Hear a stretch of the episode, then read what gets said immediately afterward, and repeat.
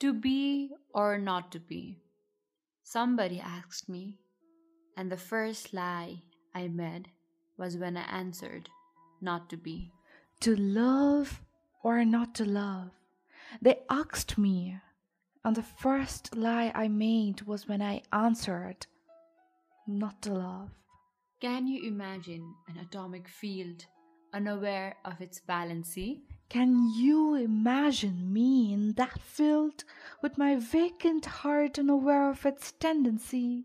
My existence was abandoned. My love was threatened. Even if I tried to pollinate my emotions in the society, it never endeavored the love my emotions required. Rather, it intended not to even flourish the ladybugs that got inspired to cross pollinate my emotions with her. We met as strangers, Hopeless strangers. unknown to what the future holds. Why can't we just be lovers? Whimsical, queer lovers. My existence was unanswered in the same way as the question of divinity. That made my love as an entity, an inferiority. I can't decide if green is my safe color or red. Being told to pick a side, but can't you see that I have tried? For me, two winners are better than one, and you can't convince me otherwise. She. She smells like home. Every time I'm with her, For those minutes that seemed like forever, and every time she holds me in her arms, I am no longer homesick.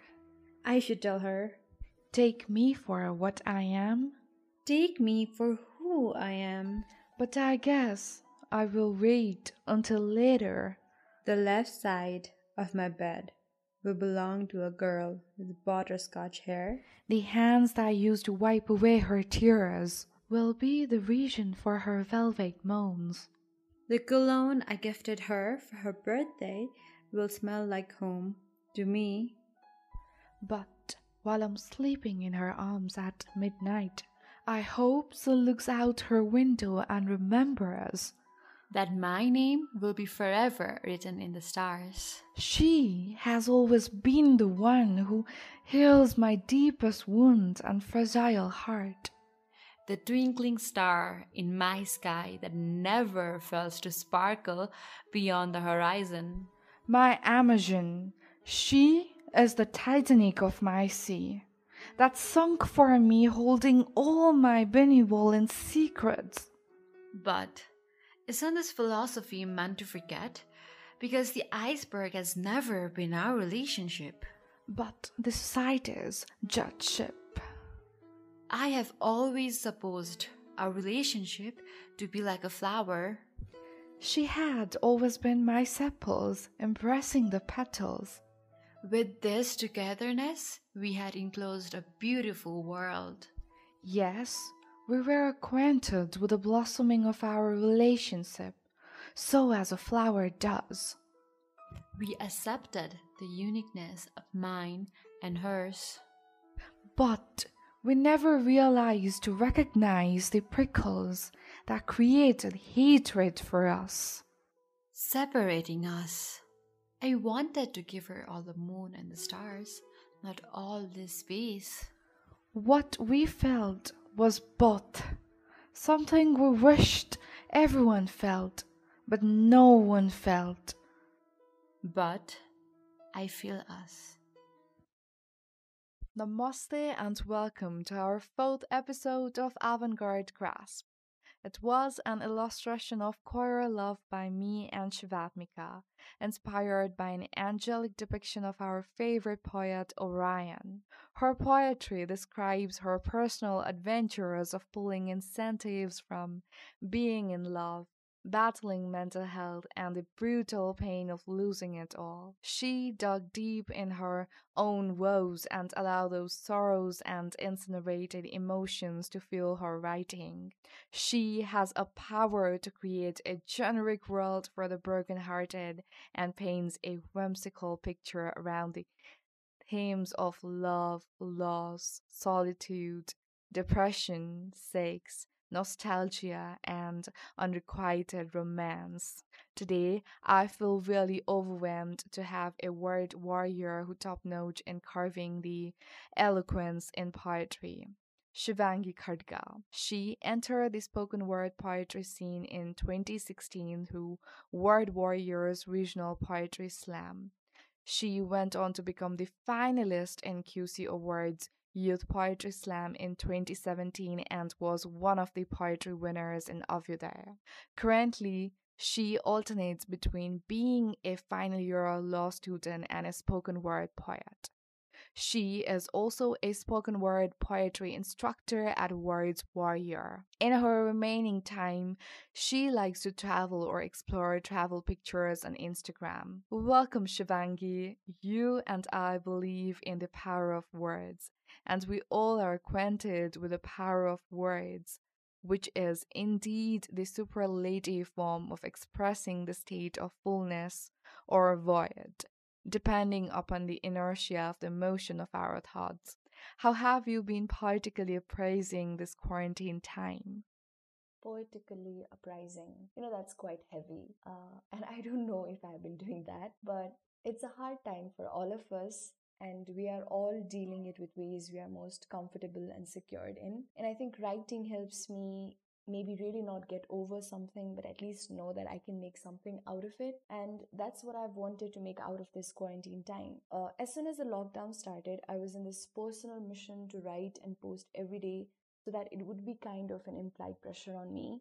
I had not been actively writing for some time, so I thought I might as well take this opportunity. But after some time, I think I just started burning out. From mild pressure, it became kind of intense pressure because when you post something, you want it to be good. Also, I was writing a lot about quarantine and lockdown. It was good in a way that I started looking carefully at my familiar surroundings, like my house, my room, my parents, in a way I'd never seen them before but it also started becoming very repetitive. I was using same metaphors, same lines in different places. Uh, so I just stopped after some time and then I just started reading a lot and found some time to write freely and not post. And yeah, just enjoy, try to enjoy whatever time that I have. Indulging into poetry and enjoying is a great thing as well. I believe that poetry is ignited the moment when an impulsive art is encapsulated with all these senses we have and when we decide to form an abstract out of everything that we tend to comprehend. Even as the Nobel laureate of the composition, we tend to deviate our recitation from the main road, which is the beginning of artistry that will become the journey of solitary poets over pathless hills of the poem. And even if we embrace all our compositions equally, there are some of them whose originality resonates beyond the threshold of the inspiration we had while we were writing. Well, in that case, we would like to hear one of your favorite poems. That is true, that we have some creations which uh, resonate with us, maybe more than the other. And the poem that I'm going to share, uh, I wouldn't call it one of my favorite poems, not because I say that all of all of my poems are my favorite and I can't choose one. But I think I just have poems which I like to perform and maybe share more with people. And uh, this poem, maybe I would like to share with with more people. It's called Realistic Ways to Break Up. I think we should eat our fried chicken separately from now on.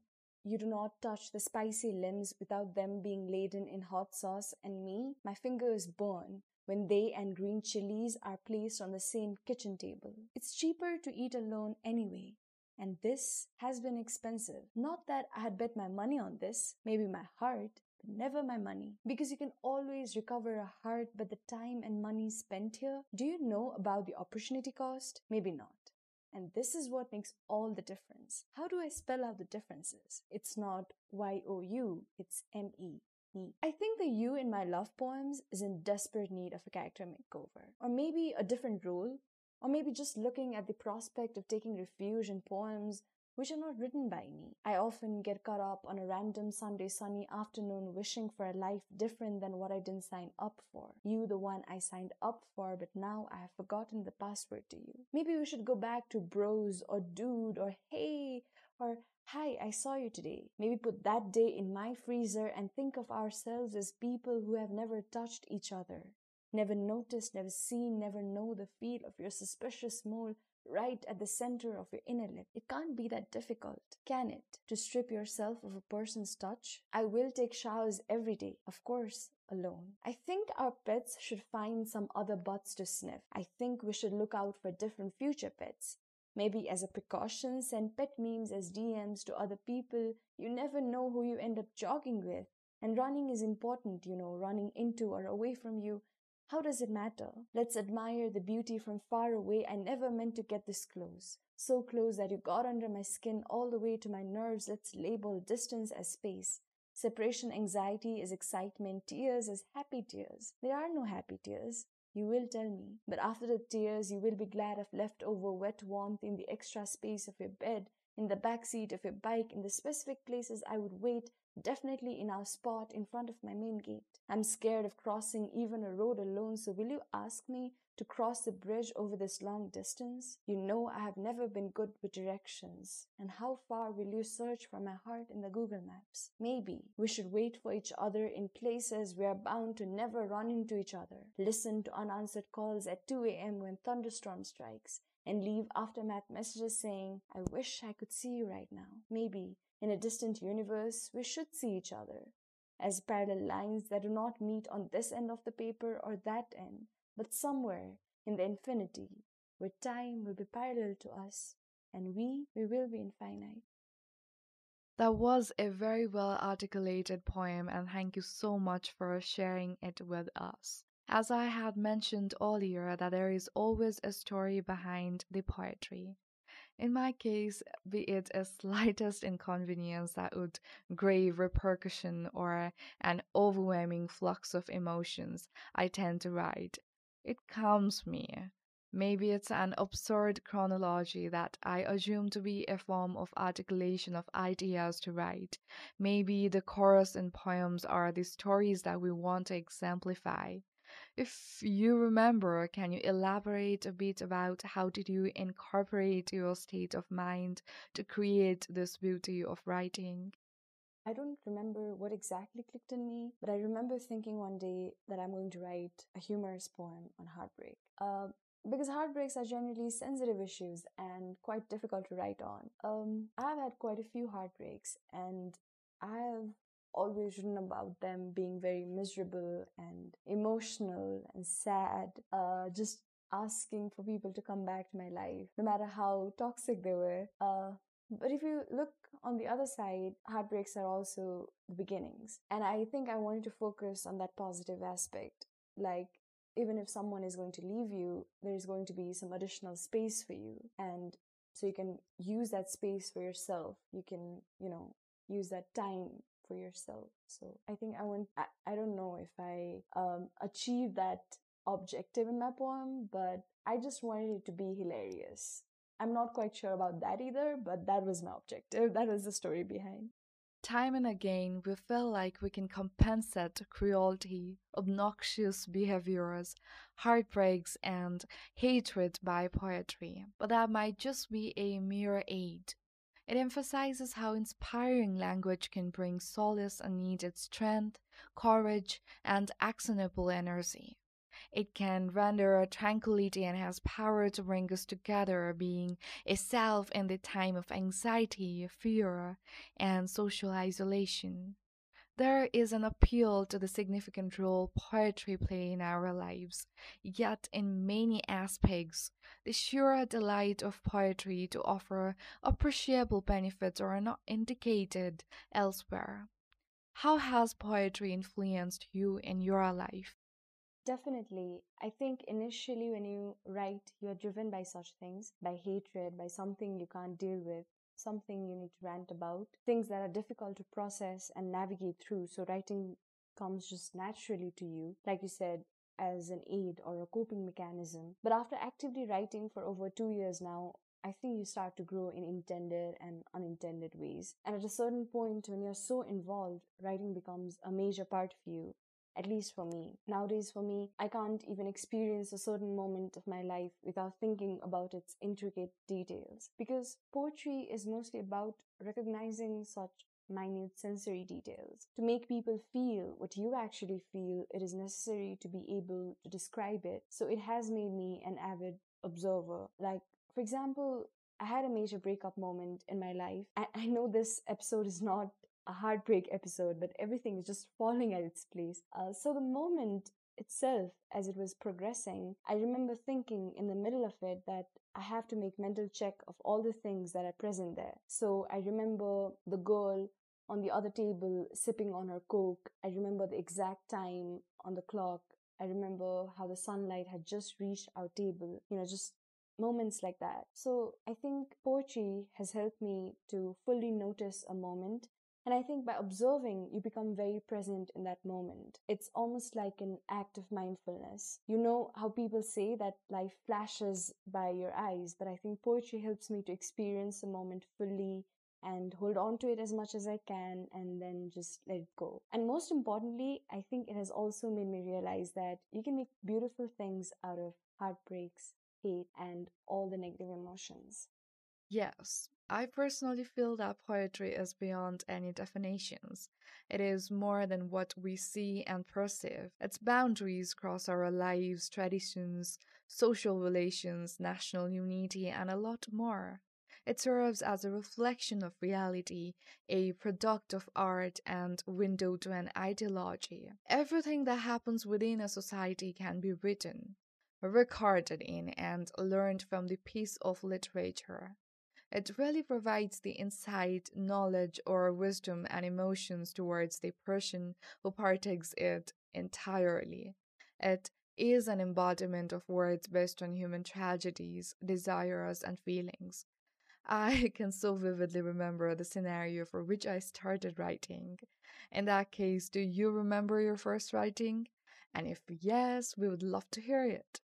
When I was a kid, I was not into poetry as much as I was into stories. My love for stories goes back to when we were very small, and my big sister used to bring Harry Potter books from our library, and she would translate and tell us that story. Since then, I have loved stories from textbooks, novels, magazines, basically anywhere. Uh, I think I wrote my first poem about a chair when I was very small. Uh, chair was kind of a metaphor for power and politics because it was used like that at that point of time. Uh, then I remember in grade 10 when some of us were asked to write poem about our country for inter-school poetry competition. I walked on my school's garden for an entire day writing a poem which had all the cliches that you would find in a poem that reeked of nationalism. Uh, but then I just focused more on writing stories and articles because I always thought poetry was not my cup of tea. You know, like how we put poetry in a pedestal, and uh, because of all the notions about how a poem should be, what poetry is, um, and everything. It was only when Sarah Kay, a spoken word poet from US had come to Nepal for a poetry workshop. Uh, there was this big article on a newspaper about spoken word poetry, so I searched for it on the internet. I loved it for two reasons the performance aspect of it and the storytelling. I was amazed at how people could be so confident while being so vulnerable. I realized for the first time that poetry could be so personal, and then I just started writing vigorously about all the personal stuffs I had never shared with other. Uh, at that time, my father used to bring home these cute spiral notebooks, and they were too pretty to write my notes on, so Instead, I started writing poetry on them. Uh, this was before 2015, and then earthquake happened. Uh, and then even during earthquake, when we were sleeping in the large ground of a nearby school, I remember sneaking out my notebook and writing. It was like a coping mechanism, um, escaping from what we had to face at that time and writing about other things. Uh, and then later, I discovered about word warriors. as a spoken word poetry collective. I applied in one of the Word Warriors live, uh, where basically anyone can go and uh, perform their poems. Then I also took part in few slams, which is a spoken word poetry competition, did few writing workshops, and before I knew I was into it too deeply. So I have one of the notebooks that I kept from 2015. This poem is definitely not my first poem, but one of the first. Uh, this was written on 17th March 2015. It has no title because at that time I was into writing titleless poems. So here it goes. We do this to ourselves. Over the years, as we grow up and are meticulously told to act our age, we confine ourselves more instead of soaring on new horizons. We put ourselves in a box and light ourselves but complain about flames. We so savagely kill the child which still bursts with joy at a thought of getting an extra hour of sleep, extra candy, or extra ice cream. We kill the flames of joy that dance in our eyes without us knowing, and we bind ourselves to the gravity of others' wishes and hopes for us all the time, never stopping to wish to break through. And the saddest part, we complain, moan, and groan about how people got to us, how life got to us, while all the time we do this to ourselves. That was so beautiful. So, other than writing, how are you staying occupied in this quarantine?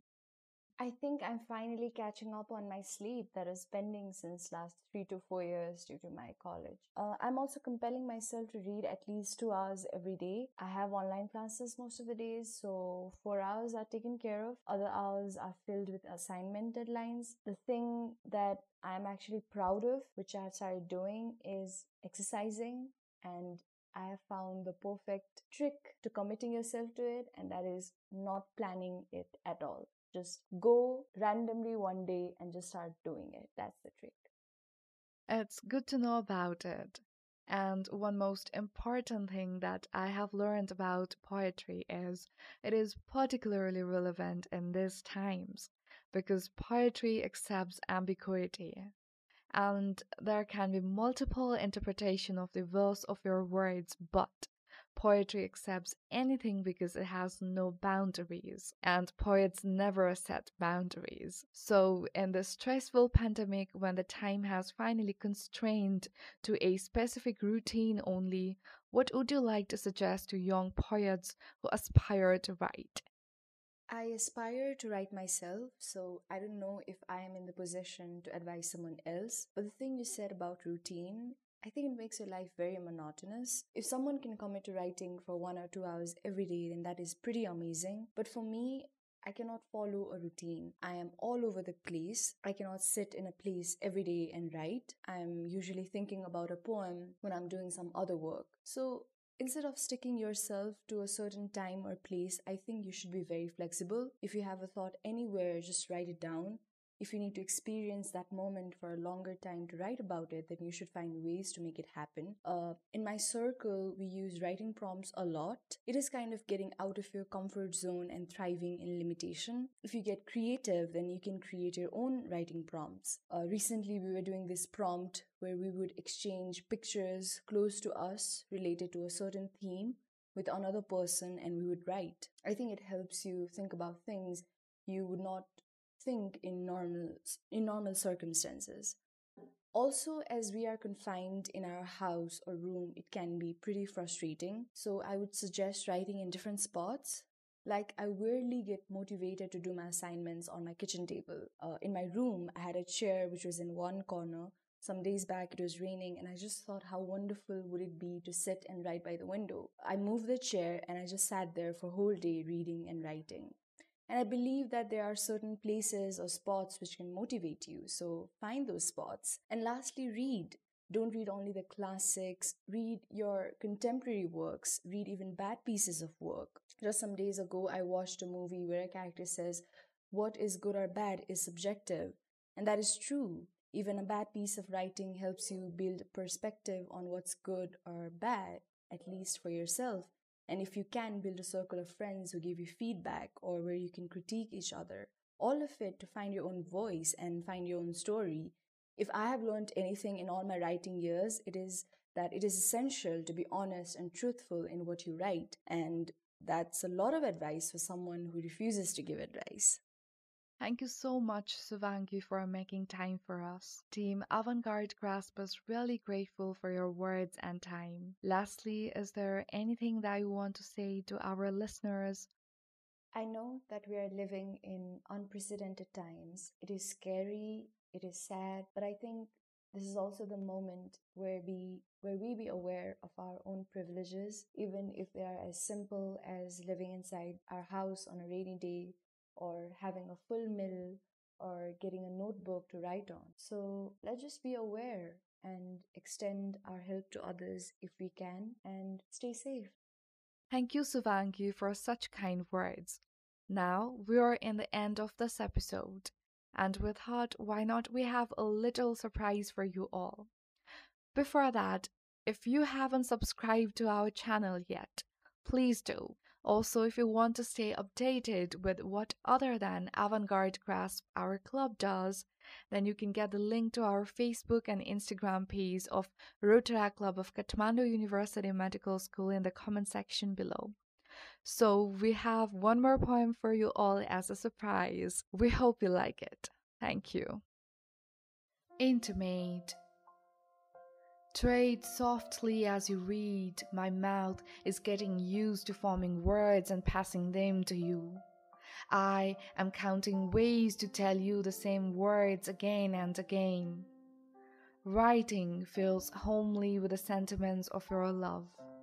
I find my place in between your arms and between the warmth of your embrace. With you, I am lost in the vibrations the intimacy that our eyes hold. This is the kind of calmness I've been waiting for. The touch of your lips melts away in my mouth. The thirst, which I thought was unquenchable, is now satisfied. The sound of your breath is oh so melodic. Even the masters of music could not compose such euphonic. I drown with all the colors arising from your love. I will be living in a black and white world if all of this is false. I want to flow with you like the rivers do, growing together like trees having the same root. Well, yes, I might be the writer, but you, you will always be my words. So, tread softly as you read for my bare flesh holds no greater intimacy. For my silence now holds sneaking suspicion, conceivably willing to open up the already dislodged old love letters. I grappled with my own thoughts for not allowing me to send them. Perhaps in denial of the whiff air of that intimate night when we both breathed in and out. I felt so rejuvenated and replenished. The viscosity of my silence blends with the complexity of your intricate paintings. The holy grail of an art, sangria of emotions, are froze the bristles of the paintbrush while keeping you warm. I squeeze my dark nights hovering into your cuddles, your rain soaked eyes and your flattery laugh. I can settle there all my life. While the shimmer of moonlight is embracing you, I want our cosmic proportions to be aligned. I want you to solace me under the night sky, dilute the uncertainty for I am already in your arms in this mystic night. So trade softly as you read. For my bare flesh holds no greater intimacy.